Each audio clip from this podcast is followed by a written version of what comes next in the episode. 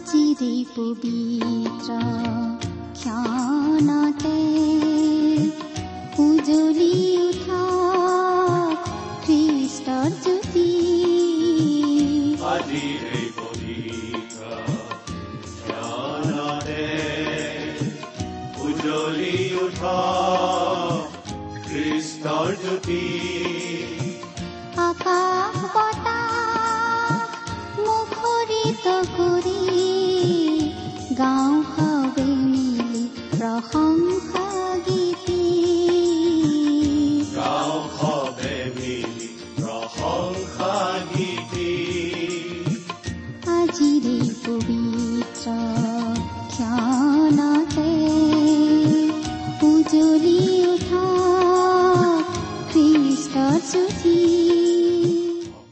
আমাৰ মহান ত্ৰাণকৰ্তা প্ৰভু যীশুখ্ৰীষ্টৰ নামত নমস্কাৰ প্ৰিয় শ্ৰোতা। এয়া মুকলি কৰিবলৈ লৈছো বাইবেল অধ্যয়নৰ ধাৰাবাহিক অসমীয়া অনুষ্ঠান ভক্তি বচন।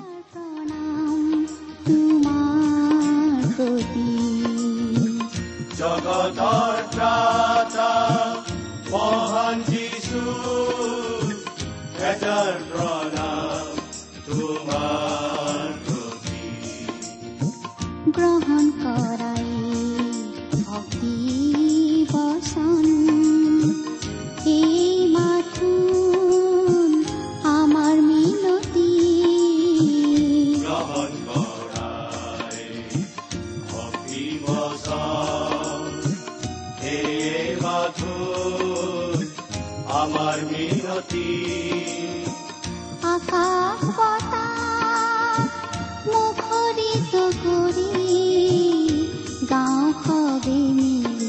红海。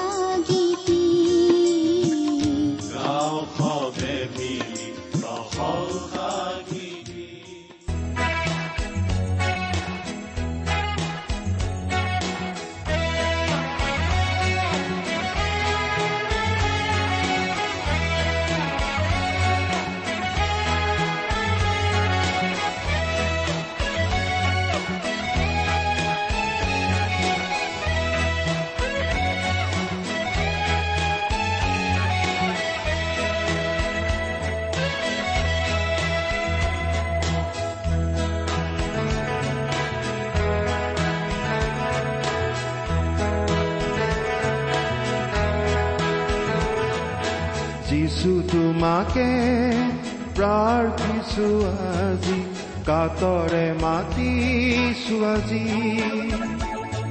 আমি প্ৰভু যিছু যিছু তোমাকে প্ৰাৰ্থিছো আজি কাতৰে মাতিছো আজি। আমি প্ৰভু আমাৰ মহান ত্ৰাণকৰ্তা প্ৰভু যীশুখ্ৰীষ্টৰ নামত নমস্কাৰ প্ৰিয় শ্ৰোতা আশা কৰো আপুনি আমাৰ মহান পিতা পৰমেশ্বৰৰ মহান অনুগ্ৰহত ভালে কুশলে আছে। লগতে এই বুলিও আশা কৰিছো যে আপুনি আমাৰ এই ভক্তিবচন অনুষ্ঠানটো নিয়মিতভাৱে শুনি আছে। আমাৰ বহুতো শ্ৰোতাই আমালৈ চিঠি পত্ৰ লিখি থাকে আৰু এই অনুষ্ঠান শুনি তেওঁলোকে উপকৃত হোৱা বুলিও আমাক জনায়। আৰু তেনেকুৱা চিঠিবোৰে আমাক কাম কৰি যাবলৈ যথেষ্ট উৎসাহ যোগায়। আপুনিও আমালৈ দুষাৰিমান লিখি পঠিয়াবচোন। এই অনুষ্ঠান সম্বন্ধে আপোনাৰ মতামত জনাই দুষাৰিমান আজিয়ে লিখি নপঠিয়াই কিয়? আমাৰ ঠিকনা? ভক্তিবচন টি ডাব্লিউ আৰ ইণ্ডিয়া ডাক পাকচ নম্বৰ সাত শূন্য গুৱাহাটী সাত আঠ এক শূন্য শূন্য এক। ঠিকনাটো আৰু এবাৰ কৈছো ভক্তিবচন টি ডাব্লিউ আৰ ইণ্ডিয়া ডাক পাকচ নম্বৰ সাত শূন্য গুৱাহাটী সাত আঠ এক শূন্য শূন্য এক। আহকচোন আজিৰ বাইবেল অধ্যয়ন আৰম্ভ কৰাৰ আগতে কণ্টেক্ট প্ৰাৰ্থনা কৰো। আমাৰ স্বৰ্গত থকা মৰমীয়াল পিতৃ ঈশ্বৰ তোমাক ধন্যবাদ জনাওঁ কাৰণ তোমাৰ মহান বাক্য বাইবেল শাস্ত্ৰ অধ্যয়ন কৰিবলৈ তুমি আমাক আকৌ এটা সুযোগ দান কৰিছা। তোমাক শতকোটিবাৰ ধন্যবাদ জনাওঁ কাৰণ তুমি তোমাৰ একেজাত পুত্ৰ যীশুখ্ৰীষ্টৰ জৰিয়তে আমালৈ অনন্ত জীৱনৰ আশীৰ্বাদ বিনামূল্যে আগবঢ়াইছা। এতিয়া তোমাৰ বাক্য অধ্যয়ন কৰিবলৈ ওলাইছো। তোমাৰ বাক্য তুমিয়েই আমাক বুজাই দিয়া। আমাৰ মৰমৰ শ্ৰোতাসকলক উপচি পৰাকৈ আশীৰ্বাদ কৰা।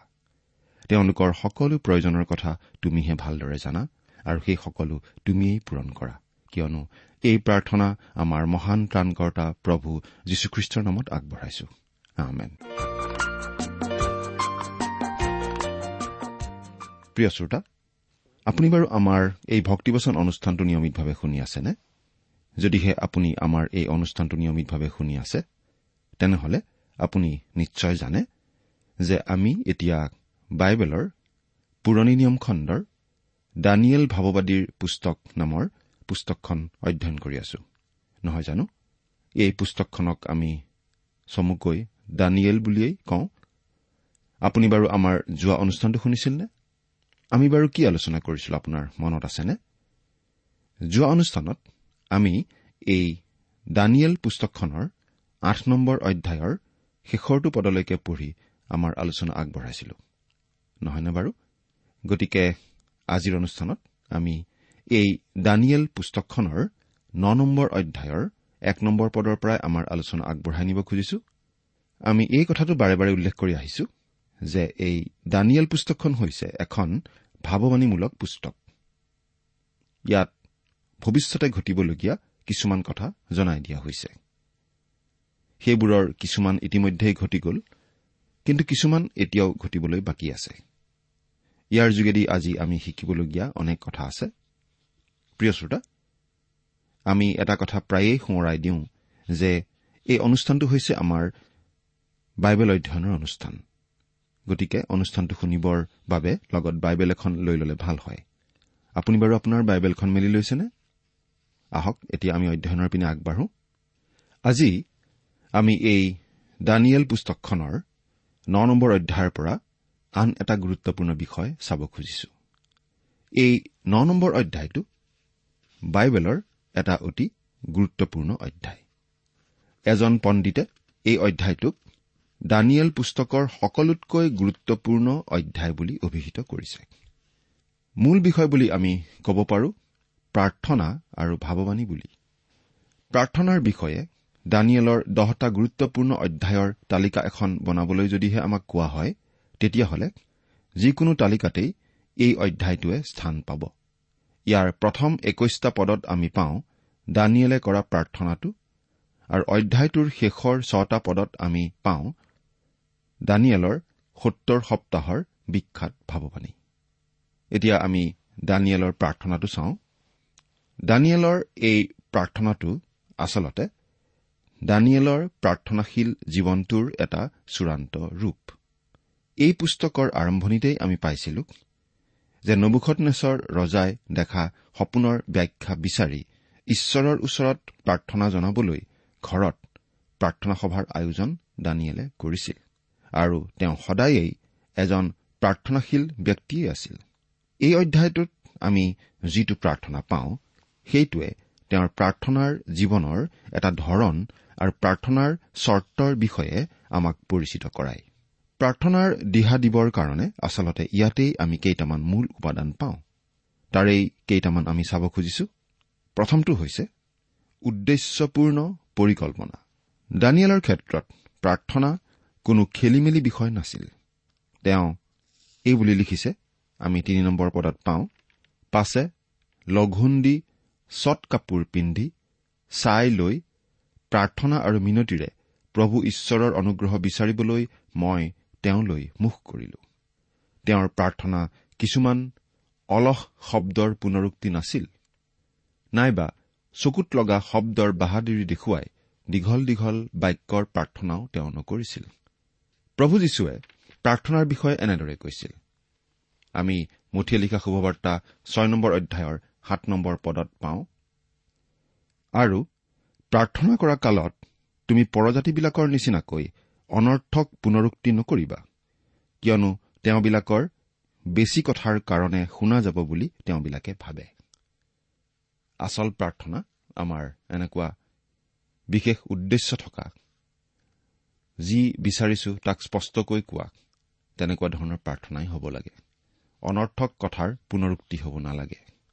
কষ্ট স্বীকাৰ কৰি কৰা প্ৰাৰ্থনা। দানিয়েলে প্ৰাৰ্থনা কৰিছিল চট কাপোৰ পিন্ধি লঘু নাথাকি। এইটো বাহ্যিকভাৱে আনক দেখুৱাবলৈ কৰা হোৱা নাছিল। কিন্তু তেওঁৰ অন্তৰৰ যি নিষ্ঠাপূৰ্ণ মনোভাৱ সেইটো প্ৰদৰ্শন কৰিবলৈহে কৰা হৈছিল। আজি বাৰু আমি এনেকুৱা ধৰণৰ প্ৰাৰ্থনা কিমান দেখা পাওঁ? সৰল প্ৰাৰ্থনা। দানিয়েলে খোলা খুলিভাৱে সকলো কথা স্বীকাৰ কৰি প্ৰাৰ্থনা কৰিছিল। ঈশ্বৰৰ সৈতে তেওঁ জৰুৰীভাৱে পাতিব লগা কথাবোৰকেই স্পষ্টভাৱে পাতিছিল। এবাৰ এজন মানুহে গীৰ্জাত প্ৰাৰ্থনা কৰিবলৈ থিয় হৈ অকোৱা পকোৱা ভাষাৰে দীঘল প্ৰাৰ্থনা আৰম্ভ কৰিলে। অৱশেষত এগৰাকী বৃদ্ধা মহিলাই মানুহজনৰ চোলাত টানি কলে। বোপা তেওঁক পিতৃ বুলি সম্বোধন কৰি কিবা এটা খোজা। প্ৰিয় শ্ৰোতা আমাৰ প্ৰাৰ্থনাত সৰলতা লাগে। শক্তিশালী নিবেদন। দানিয়েলে প্ৰাৰ্থনা কৰি থাকোঁতেই এটা উত্তৰ পাইছিল। গাব্ৰিয়েল নামৰ স্বৰ্গদূতজন তেওঁৰ আগত উপস্থিত হৈ তেওঁক কথাবোৰ ব্যাখ্যা কৰি দিছিল। তেওঁ প্ৰাৰ্থনাৰ উত্তৰ পাইছিল। প্ৰথম জোহন পাঁচ নম্বৰ অধ্যায়ৰ চৈধ্য নম্বৰ পদত আমি এনেদৰে পঢ়িবলৈ পাওঁ। আৰু তেওঁৰ উদ্দেশ্যে আমি পোৱা সাহ এই যে আমি যদি তেওঁৰ ইচ্ছাৰ দৰে কিবা যাচনা কৰো তেন্তে তেওঁ আমাৰ সেই যাচনা শুনে। যাচনা মানে প্ৰাৰ্থনা। ব্যক্তিগত আৰু গোপন। দানিয়েলে সমজুৱা প্ৰাৰ্থনা সভাৰ আয়োজন কৰা নাছিল কিন্তু তেওঁ নিজে অকলে প্ৰাৰ্থনা কৰিছিল। তেওঁৰ এই প্ৰাৰ্থনাটো মাত্ৰ তিনি মিনিট দীঘল আছিল। আমাৰ প্ৰভু যীশুৱেও প্ৰায়েই অকলে প্ৰাৰ্থনা কৰিছিল। জোহন সোতৰ নম্বৰ অধ্যায়ত প্ৰভু যীশুৰ যিটো প্ৰাৰ্থনা লিপিবদ্ধ কৰা আছে সেইটো প্ৰায় তিনি মিনিট দীঘল। আমি বহুতে আচলতে নিজে অকলে প্ৰাৰ্থনা কৰাৰ প্ৰয়োজন ওলাই কৰি সমজুৱা প্ৰাৰ্থনা সভা পাতিবলৈহে ভাল পাওঁ। কিন্তু ব্যক্তিগত প্ৰাৰ্থনাৰ যথেষ্ট গুৰুত্ব আছে। বহিৰ্জগত ভেদ কৰা প্ৰাৰ্থনা।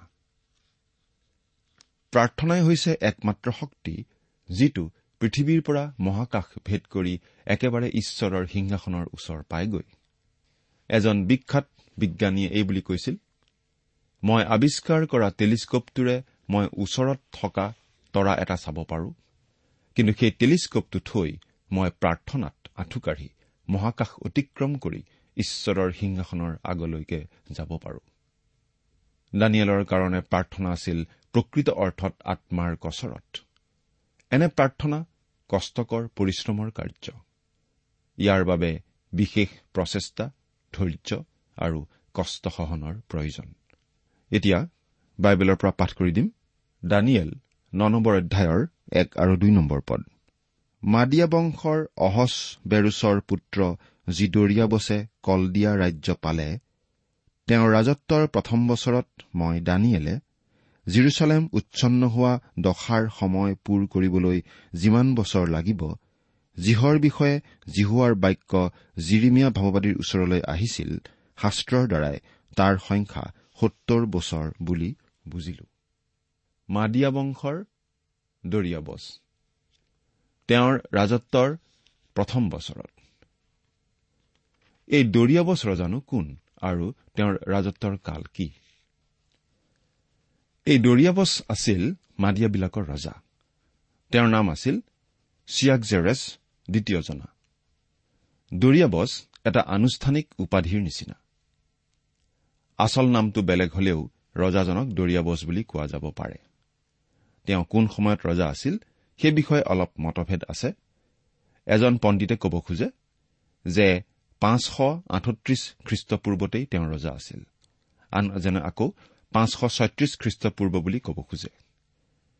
এই দৰিয়াবছে আচলতে খ্ৰীষ্টপূৰ্ব পাঁচশ আঠত্ৰিশত বাবিলন জয় কৰিছিল। গতিকে দুয়োটা তাৰিখেই মোটামুটি মিলি যায়। ইয়াত দৰিয়াবছ ৰজাৰ ৰাজত্বৰ প্ৰথম বছৰৰ কথা কোৱা হৈছে। এতিয়া বাবিল সাম্ৰাজ্যৰ সলনি আন এখন বিশ্ব সাম্ৰাজ্য স্থাপন হোৱা দানিয়েলে দেখিছে। তেওঁ ভৱিষ্যতৰ বিষয়ে চিন্তা কৰিছে বিশেষকৈ নিজৰ জাতিৰ লোকবিলাকৰ ভৱিষ্যতক লৈ তেওঁ চিন্তা কৰিছে। গতিকে তেওঁ ঈশ্বৰৰ বাক্য অধ্যয়ন কৰিছে। তেওঁ জিৰিমীয়া ভাৱবাদীৰ পুস্তকখন অধ্যয়ন কৰিছে। জিৰিমীয়া ভাৱবাদীয়ে কৈছিল যে ইছৰাইল জাতিৰ বন্দিত্বৰ কাল হ'ব সত্তৰ বছৰ। এই অধ্যায়টোৰ কথাখিনি প্ৰায় পাঁচশ সাতত্ৰিশ খ্ৰীষ্টপূৰ্বৰ কথা। দানিয়েলৰ বয়স পঁচাশীৰ পৰা নব্বৈ বছৰৰ ভিতৰত হ'ব। তেওঁ প্ৰায় সোতৰ বছৰ বয়সীয়া থাকোঁতেই ছশ ছয় খ্ৰীষ্টপূৰ্বত তেওঁক বন্দী কৰি বাবিললৈ লৈ অনা হৈছিল। গতিকে সেই সত্তৰ বছৰীয়া কাল শেষ হৈ আহিব ধৰিছিল। গতিকে ইছৰাইলীয়া লোকসকলক নিজৰ দেশলৈ উভতি যাবলৈ দিয়াৰ সময় ওচৰ চাপি আহিছিল। নিজৰ লোকবিলাকক লৈ দানিয়েলৰ খুব চিন্তা হৈছিল। আমি ভাবো যে এই দানিয়েলৰ আঠ নম্বৰ অধ্যায়ত আমি যিটো সৰু শিঙৰ কথা পাইছিলো অৰ্থাৎ এণ্টিঅকাছ এপিফানেছৰ সেই কথাটোৱে দানিয়েলক চিন্তাত পেলাইছিল কাৰণ এই আহিবলগীয়া লোকজনে দানিয়েলৰ জাতিৰ লোকসকলক অত্যাচাৰ কৰিব মন্দিৰ অসুচী কৰিব। এই সকলো কথাই তেওঁৰ মনত নিশ্চয় চিন্তা আনি দিছিল। এই কথা মন কৰা উচিত যে দানিয়েলে এই প্ৰাৰ্থনা কৰাৰ মূল কাৰণটো আছিল তেওঁ ঈশ্বৰৰ বাক্য অধ্যয়ন কৰিছিল। ঈশ্বৰৰ বাক্যই ঈশ্বৰৰ ইচ্ছা প্ৰকাশ কৰে। ঈশ্বৰৰ ইচ্ছা জনাৰ মূল চাবিকাঠি হৈছে ঈশ্বৰৰ বাক্য অধ্যয়ন কৰি প্ৰাৰ্থনা কৰা। দানিয়েলে এই প্ৰতিজ্ঞাবোৰৰ বিষয়ে পঢ়িছিল জিৰিমিয়াৰ পুস্তকত। আমিও পঢ়ি চাব খুজিছো। জিৰিমিয়া পুস্তকৰ পৰা দুটা বিশেষ বিশেষ পদ। তাতে এই গোটেই দেশ ধ্বংস আৰু আচৰিতৰ ঠাই হ'ব আৰু এই জাতিবিলাকে সত্তৰ বছৰলৈকে বাবিলৰ ৰজাৰ বন্দী কাম কৰিব। এয়া জিৰিমিয়া পঁচিছ নম্বৰ অধ্যায়ৰ এঘাৰ নম্বৰ পদত আমি এনেদৰে পাওঁ। আকৌ ঊনত্ৰিশ নম্বৰ অধ্যায়ৰ দহ নম্বৰ পদত আমি এই বুলি পঢ়ো কিয়নো জিহুৱাই এইদৰে কৈছে বাবিলত থকা সত্তৰ বছৰ পূৰ হলে মই তোমালোকৰ বিচাৰ ল'ম আৰু এই ঠাইলৈ তোমালোকক ওলোটাই আনি তোমালোকলৈ মোৰ মংগল বাক্য সিদ্ধ কৰিম। জিৰিমিয়া ঊনত্ৰিশ নম্বৰ অধ্যায়ৰ দহ নম্বৰ পদ।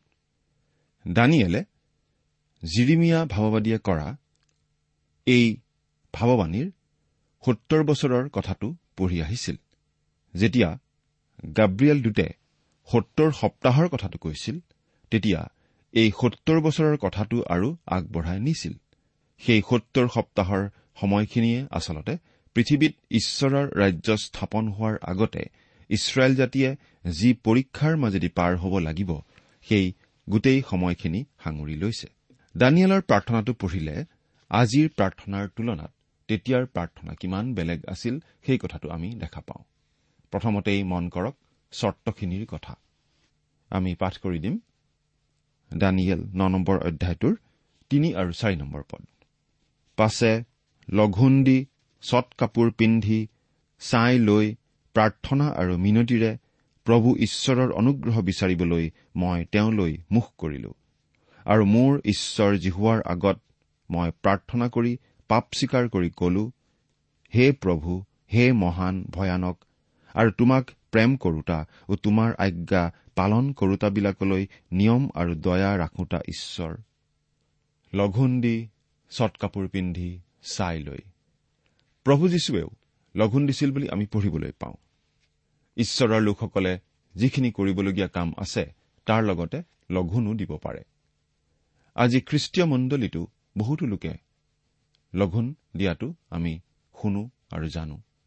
আৰু সেই আদি মণ্ডলীতো এনেকুৱা বহুতো লোকে লঘোণ দিছিল। পাচনি পৌলে এই বুলি লিখিছিল পৰিশ্ৰম আৰু মেহনতত বাৰে বাৰে টোপনি খতিত ভোক আৰু পিয়াহ লগাত বাৰে বাৰে লঘোণ দিয়াত জাৰ পোৱাত আৰু উদঙে থকাত পোৱা যায়। দ্বিতীয় কৰিন্ঠিয়া এঘাৰ নম্বৰ অধ্যায়ৰ সাতাইছ নম্বৰ পদ। দানিয়েলে প্ৰাৰ্থনাত এটা নেৰা নেপেৰা মনোভাৱ প্ৰদৰ্শন কৰিছিল। দানিয়েলৰ এই প্ৰাৰ্থনা আছিল অতি ব্যক্তিগত। তেওঁ নিজৰ কাৰণে আৰু নিজৰ জাতিৰ কাৰণে প্ৰাৰ্থনা কৰিছিল। মই আমি আৰু আমাৰ বুলি তেওঁ চল্লিছতকৈ অধিকবাৰ উল্লেখ কৰা আমি পাওঁ এই প্ৰাৰ্থনাটোত। দানিয়েলে ঈশ্বৰৰ আগত নতশিৰে প্ৰাৰ্থনা জনাইছিল। প্ৰথমতে আমি দেখা পাওঁ তেওঁ ঈশ্বৰৰ সৈতে থকা তেওঁৰ ব্যক্তিগত সম্বন্ধৰ ওপৰত ভৰসা কৰিছে। তেওঁ ঈশ্বৰক মোৰ ঈশ্বৰ বুলি কৈছে। তেওঁ স্বীকাৰোক্তি কৰাৰ আগতে ঈশ্বৰৰ মাহাত্ম বৰ্ণনা কৰিছে। ভয়ানক ঈশ্বৰ মানে আমি ভয় ভক্তি সন্মান প্ৰদৰ্শন কৰিবলগীয়া ঈশ্বৰ। ঈশ্বৰক আমি তাচ্ছিল্য কৰিব নোৱাৰো। দানিয়েলে এই কথা কৈছে যে ঈশ্বৰে তেওঁৰ প্ৰতিজ্ঞা ৰক্ষা কৰে আৰু তেওঁক প্ৰেম কৰা সকলোলৈকে কৰুণা দেখুৱায়। তেওঁ প্ৰতিজ্ঞা কৰে আৰু সেই প্ৰতিজ্ঞা ৰক্ষা কৰে। তেওঁ সলনি নহয় গতিকে তেওঁ বিশ্বাসী। তেওঁ কৰুণাময় আৰু এই কৰুণাৰ বলতেই তেওঁ ইছৰাইল জাতিক ৰক্ষা কৰি আহিছে। আজিও সেই কৰুণা আমি পাব পাৰোঁ। তেওঁ অনুগ্ৰহশীল কিন্তু তেওঁ আমাক তেওঁৰ প্ৰতি বাধ্য হৈ চলাটো বিচাৰে। এতিয়া দানিয়েলে পাপ স্বীকাৰ কৰাটো মন কৰকচোন। পাঁচ আৰু ছয় নম্বৰ পদ। আমি পাপ কৰিলো অপৰাধ কৰিলো দুষ্কৰ্ম কৰিলো আৰু বিদ্ৰোহ আচৰণ কৰি তোমাৰ বিধি ও শাসন পথ ত্যাগ কৰিলো। আৰু তোমাৰ দাস যি ভাৱবাদীবিলাকে আমাৰ ৰজা অধ্যক্ষ পূৰ্বপুৰুষ আৰু দেশৰ আটাই প্ৰজাবিলাকক তোমাৰ নামেৰে কথা কলে তেওঁবিলাকলৈ আমি কাণ কৰা নাই। আমি পাপ কৰিলো ঈশ্বৰৰ প্ৰতি অবাধ্য আচৰণ কৰি পাপ কৰাৰ বাবেই ইছৰাইল জাতিৰ লোকসকলক বাবিল দেশত বন্দী হৈ যাবলৈ ঈশ্বৰে এৰি দিছিল। এই কথাটো দানিয়েলে মানি লৈছে। দানিয়েলে পাপ লুকুৱাই নাৰাখি প্ৰতিটো পাপ এটা এটাকৈ উল্লেখ কৰিছে। পাপ অপৰাধ দুষ্কৰ্ম বিদ্ৰোহ আচৰণ ঈশ্বৰৰ বিধি আৰু শাসন ব্যৱস্থা নমনা ইত্যাদি। আমি আমাৰ পাপ স্বীকাৰ কৰোতে তেনেকুৱাই কৰা উচিত। কেৱল আমাৰ পাপ ক্ষমা কৰা বুলি নকৈ আমি কি কি পাপ কৰিছো সেইবোৰ এটা এটাকৈ আমি উল্লেখ কৰা উচিত। আমি উল্লেখ কৰাৰ আগতেই ঈশ্বৰে সেইবোৰৰ কথা জানে তথাপি আমি সেইবোৰ উল্লেখ কৰি ঈশ্বৰৰ পৰা ক্ষমা বিচৰাটো ঈশ্বৰে বিচাৰে। সাত নম্বৰ পদ হে প্ৰভু ধাৰ্মিকতা তোমাৰেই। কিন্তু আজি দেখাৰ দৰে আমাৰ হলে বিৱৰ্ণমুখ যীহুদাৰ লোকবিলাকৰ জিৰচালেম নিবাসীবিলাকৰ আৰু তোমাৰ বিৰুদ্ধে সত্যলংঘন কৰাৰ কাৰণে তোমাৰ দ্বাৰাই দেশ বিদেশে ছিন্ন ভিন্ন হোৱা ওচৰত থকা কি দূৰত থকা সকলো ইছৰাইলৰেই বিৱৰ্ণমুখ তোমাৰ বিৰুদ্ধে সত্যলংঘন কৰাৰ কাৰণে তোমাৰ দ্বাৰাই দেশ বিদেশে ছিন্ন ভিন্ন হোৱা ওচৰত থকা কি দূৰত থকা সকলো ইছৰাইল। ঈশ্বৰৰ বিৰুদ্ধে সত্য লংঘন কৰাৰ শাস্তিস্বৰূপে ইছৰাইল জাতিৰ লোকবিলাক বন্দী হৈ দেশান্তৰিত হবলগীয়া হৈছিল। কিছুমান লোক দানিয়েলৰ লগতে সেই ঠাইতে আছিল। কিছুমান লোক অতি দূৰ দেশলৈ দেশান্তৰিত হ'ব লগা হৈছিল। মুঠতে মানুহবিলাক সিঁচৰতি হৈ পৰিছিল। কিন্তু ইছৰাইল জাতিৰ বাৰটা ফৈদৰ কোনোটো ফৈদেই হেৰাই যোৱা নাছিল। গোটেইবোৰ ফৈদৰ মানুহকেই কৰবাত নহয় কৰবাত লগ পোৱা গৈছিল। সেই কথাটো দানিয়েলে জানিছিল। তেওঁৰ জাতিৰ লোকবিলাক কত আছিল সেইটো দানিয়েলে জানিছিল। দানিয়েলে তেওঁৰ জাতিৰ লোকবিলাক নোহোৱা হৈ যোৱা বুলি কোৱা নাই কিন্তু ঈশ্বৰ জিহুৱাৰ আজ্ঞালংঘন কৰাৰ বাবে বিভিন্ন পিনে সিঁচৰতি হৈ পৰিব লগা হৈছিল বুলিহে কৈছে। দানিয়েলে কি প্ৰাৰ্থনা কৰিছিল আমি চাই যাওঁ। আঠৰ পৰা চৈধ্য নম্বৰ পদ পাঠ কৰি দিম। হে প্ৰভু আমাৰ আমাৰ ৰজাবিলাকৰ অধ্যক্ষবিলাকৰ আৰু আমাৰ পূৰ্বপুৰুষবিলাকৰ বিৱৰ্ণমুখ কিয়নো আমি তোমাৰ অহিতে পাপ কৰিলো। দয়া আৰু ক্ষমা আমাৰ প্ৰভু ঈশ্বৰৰেই কিয়নো আমি তোমাৰ বিদ্ৰোহী হৈছো। আৰু আমাৰ ঈশ্বৰ জীহুৱাৰ বাক্যলৈ আমি কাণ কৰা নাই। তেওঁ নিজৰ দাস ভাৱবাদীবিলাকৰ দ্বাৰাই আমাৰ আগত যি সকলো ব্যৱস্থা ৰাখিলে সেইমতে আমি চলা নাই। বৰং গোটেই ইছৰাইলে তোমাৰ বাক্য নুশুনিবৰ নিমিত্তে বিপদগামী হৈ তোমাৰ ব্যৱস্থা লংঘন কৰিলে। সেই নিমিত্তে ঈশ্বৰৰ দাস মুচিৰ ব্যৱস্থাত লিখা সাও আৰু শপত আমাৰ ওপৰত অধিক পৰিমাণে ফলিয়ালে কাৰণ আমি তেওঁৰ অহিতে পাপ কৰিলো। আৰু তেওঁ আমাৰ ওপৰত অহা অমংগল ঘটাই আমাৰ বিচাৰ কৰা বিচাৰকৰ্তাবিলাকৰ বিৰুদ্ধে নিজে কোৱা বাক্য সিদ্ধ কৰিলে। কিয়নো জিৰচালেমলৈ যেনেকৈ কৰা হল গোটেই আকাশমণ্ডলৰ তলত থকা কোনো ঠাইলৈ তেনে কৰা হোৱা নাই। মুচিৰ ব্যৱস্থাত যেনেকৈ লিখা আছে সেইদৰে এই সকলো অমংগল আমালৈ ঘটিল।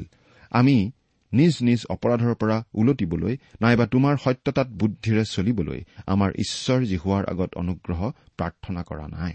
এই হেতুকে জিহুৱাই অমংগল পৰ দি ৰাখি আমালৈ তাক ঘটালে কিয়নো আমাৰ ঈশ্বৰ জিহুৱাই কৰা আটাই কাৰ্য ধৰ্মময়। কিন্তু আমি তেওঁৰ বাক্যলৈ কাণ কৰা নাই।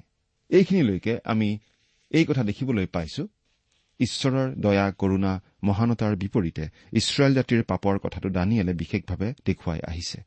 ঈশ্বৰৰ ধাৰ্মিকতাৰ বিপৰীতে তেওঁ তেওঁলোকৰ বিৱৰ্ণ মুখৰ কথা উল্লেখ কৰিছে। বিৱৰ্ণ মুখ মানে তেওঁলোকৰ লজ্জাজনক অৱস্থাৰ কথাটো কৈছে। তেওঁলোক সিঁচৰতি হৈ পৰিব লগা হৈছিল। তেওঁলোকে ঈশ্বৰৰ বিৰুদ্ধাচৰণ কৰাৰ কাৰণে। তেওঁলোকে যি শাস্তি পাইছিল সেই শাস্তি আচলতে তেওঁলোকৰ প্ৰাপ্য আছিল। তেওঁলোকক বন্দী কৰি লৈ যাবলৈ ঈশ্বৰেই এৰি দিছিল। অৰ্থাৎ তেওঁলোকহে দোষী প্ৰিয় শ্ৰোতা যদি আমি ঈশ্বৰৰ আগলৈ গৈ পাপৰ নানা অজুহাত দেখুৱাওঁ যদিহে আমি এনেদৰে কওঁ প্ৰভু তুমি জানা যে মই অতি দুৰ্বল আৰু তেনে এটা বিশেষ পৰিস্থিতিত পৰিহে তেনে কাম কৰিব লগা হ'ল। তেতিয়াহ'লে আমি আমাৰ পাপ অপৰাধৰ বাবে ঈশ্বৰকেই দোষ দিয়াৰ নিচিনা হ'ব। কাৰণ আমি ঈশ্বৰক এনেদৰে কোৱাৰ নিচিনা হ'ব প্ৰভু তুমিহে ভুল কৰিছা কাৰণ এই সকলো কথা মনত ৰাখিহে মোক দোষী কৰা উচিত। বা মোক দোষী বুলি ঘোষণা কৰাৰ আগতে তুমি এইবোৰ কথা মন কৰা উচিত। তুমি মোৰ প্ৰতি বেছি কঠোৰ হৈছা। নাই প্ৰিয় শ্ৰোতা আমি কোনেও ঈশ্বৰক তেনেকৈ ক'ব নোৱাৰো। আমি আচলতে যি ধৰণৰ ব্যৱহাৰ ঈশ্বৰৰ পৰা পোৱা উচিত তেনে ব্যৱহাৰেই পাইছো। যেনে বিচাৰ পোৱা উচিত তেনে ন্যায় বিচাৰেই আমি পাওঁ। গতিকে আমি নিজৰ নিজৰ পাপ স্বীকাৰ কৰিহে ঈশ্বৰৰ আগত ক্ষমা বিচৰা উচিত। পোন্ধৰৰ পৰা ওঠৰ নম্বৰ পদ আৰু বলি হাতেৰে মিছৰ দেশৰ পৰা নিজ প্ৰজাবিলাকক উলিয়াই আনি আজিলৈকে কীৰ্তিমন্ত হোৱা হে আমাৰ প্ৰভু ঈশ্বৰ। আমি পাপ কৰিলো আমি দুষ্কৰ্ম কৰিলো। হে প্ৰভু বিনয় কৰো তোমাৰ সকলো ধাৰ্মিকতা অনুসাৰে তোমাৰ নগৰ জিৰচালেমৰ পৰা তোমাৰ পবিত্ৰ পৰ্বতৰ পৰা তোমাৰ ক্ৰোধ আৰু কোপ ঘূৰক। কিয়নো আমাৰ পাপৰ আৰু আমাৰ পূৰ্বপুৰুষবিলাকৰ অপৰাধৰ কাৰণেই জিৰচালেম আৰু তোমাৰ প্ৰজা আমাৰ চাৰিওফালে থকা সকলোৰ ধিক্কাৰৰ সময় হৈছে। এতেকে হে আমাৰ ঈশ্বৰ তোমাৰ এই দাসৰ প্ৰাৰ্থনা আৰু মিনতিলৈ কাণ দিয়া আৰু নিজলৈ চাই ধ্বংস কৰা তোমাৰ ধৰ্মধাবলৈ মুখ উজ্জ্বল কৰা। হে মোৰ ঈশ্বৰ কাণ পাতি শুনা চকু মেলি আমাৰ ধ্বংস কৰা ঠাইবোৰলৈ আৰু তোমাৰ নামেৰে প্ৰখ্যাত নগৰখনলৈ দৃষ্টি কৰা কিয়নো আমাৰ ধাৰ্মিকতাৰ কাৰণে নহয় কিন্তু তোমাৰ অধিক অনুগ্ৰহৰ কাৰণেহে আমি তোমাৰ আগত আমাৰ বিনয় বাক্য উপস্থিত কৰিছো। এতিয়া দানিয়েলে ঈশ্বৰক অনুৰোধ কৰিছে তেওঁ যাতে আকৌ আগৰ নিচিনাকৈ অনুগ্ৰহ দেখুৱাই ইছৰাইল জাতিক উদ্ধাৰ কৰে। আজি ঈশ্বৰে আমাক কৰুণা দেখুৱাব পাৰে আৰু সেইদৰে কৰুণা দেখুৱাবলৈও তেওঁ ধাৰ্মিক আৰু ন্যায়পৰায়ণ হৈ থাকিব পাৰে। কাৰণ প্ৰভু যীশুৱে ক্ৰুচৰ ওপৰত আমাৰ সকলোৰে পাপৰ প্ৰায়চিত্ৰ কৰিলে। প্ৰিয় শ্ৰোতা আপুনি বাৰু প্ৰভু যীশুক গ্ৰহণ কৰি ঈশ্বৰৰ সেই অনুগ্ৰহ আপোনাৰ জীৱনত গ্ৰহণ কৰিছেনে? চিন্তা কৰি চাওকচোন। ঈশ্বৰে আপোনাক আশীৰ্বাদ কৰক।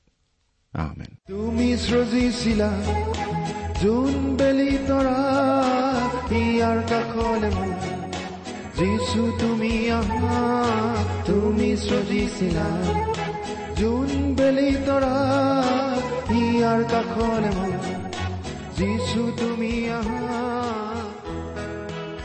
ইমান পৰে আপুনি ভক্তিবচন অনুষ্ঠানটি শুনিলে। অনুষ্ঠানটি শুনি কেনে পালে? আমালৈ চিঠি লিখি জনাবচোন। অনুষ্ঠানত প্ৰচাৰ কৰা কোনো কথা বুজিব লগা থাকিলেও আমালৈ লিখক। আমাৰ ঠিকনা ভক্তিবচন টি ডাব্লিউ আৰ ইণ্ডিয়া ডাক পাকচ নম্বৰ সাত শূন্য গুৱাহাটী সাত আঠ এক শূন্য শূন্য এক। ঠিকনাটো আৰু এবাৰ কৈছো ভক্তিবচন টি ডাব্লিউ আৰ ইণ্ডিয়া ডাক পাকচ নম্বৰ সাত শূন্য গুৱাহাটী সাত আঠ এক শূন্য শূন্য এক। আপুনি ইমেইল যোগেৰেও আমাৰ সৈতে যোগাযোগ কৰিব পাৰে। আমাৰ ইমেইল আইডিটো হৈছে Assamese T TV at radio' eight eight two dot com. আইডিটো আকৌ এবাৰ কৈছো। Assamese T TV at radio' eight eight two dot com. আপুনি টেলিফোনৰ মাধ্যমেৰেও আমাক যোগাযোগ কৰিব পাৰে। আমাৰ টেলিফোন নম্বৰটো হৈছে শূন্য তিনি ছয় এক দুই ছয় শূন্য চাৰি ছয় সাত এক ফোন নম্বৰটো আকৌ এবাৰ কৈছো zero' three six one two six zero' four six seven one আজিৰ অনুষ্ঠানটি ইমানতে সামৰিছো। ঈশ্বৰৰ শান্তি আৰু অনুগ্ৰহ আপোনাৰ লগত থাকক। ধন্যবাদ।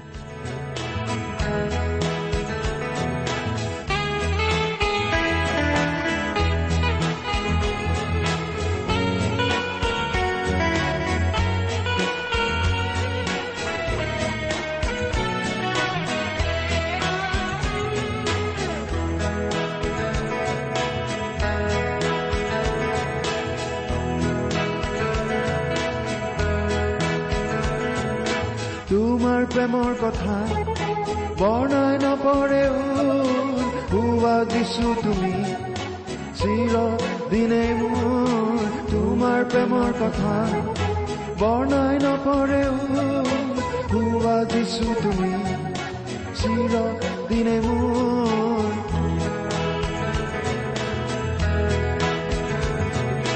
যিছু তোমাকে প্ৰাৰ্থিছো আজি কাতৰে মাতিছো আজি আমি প্ৰভু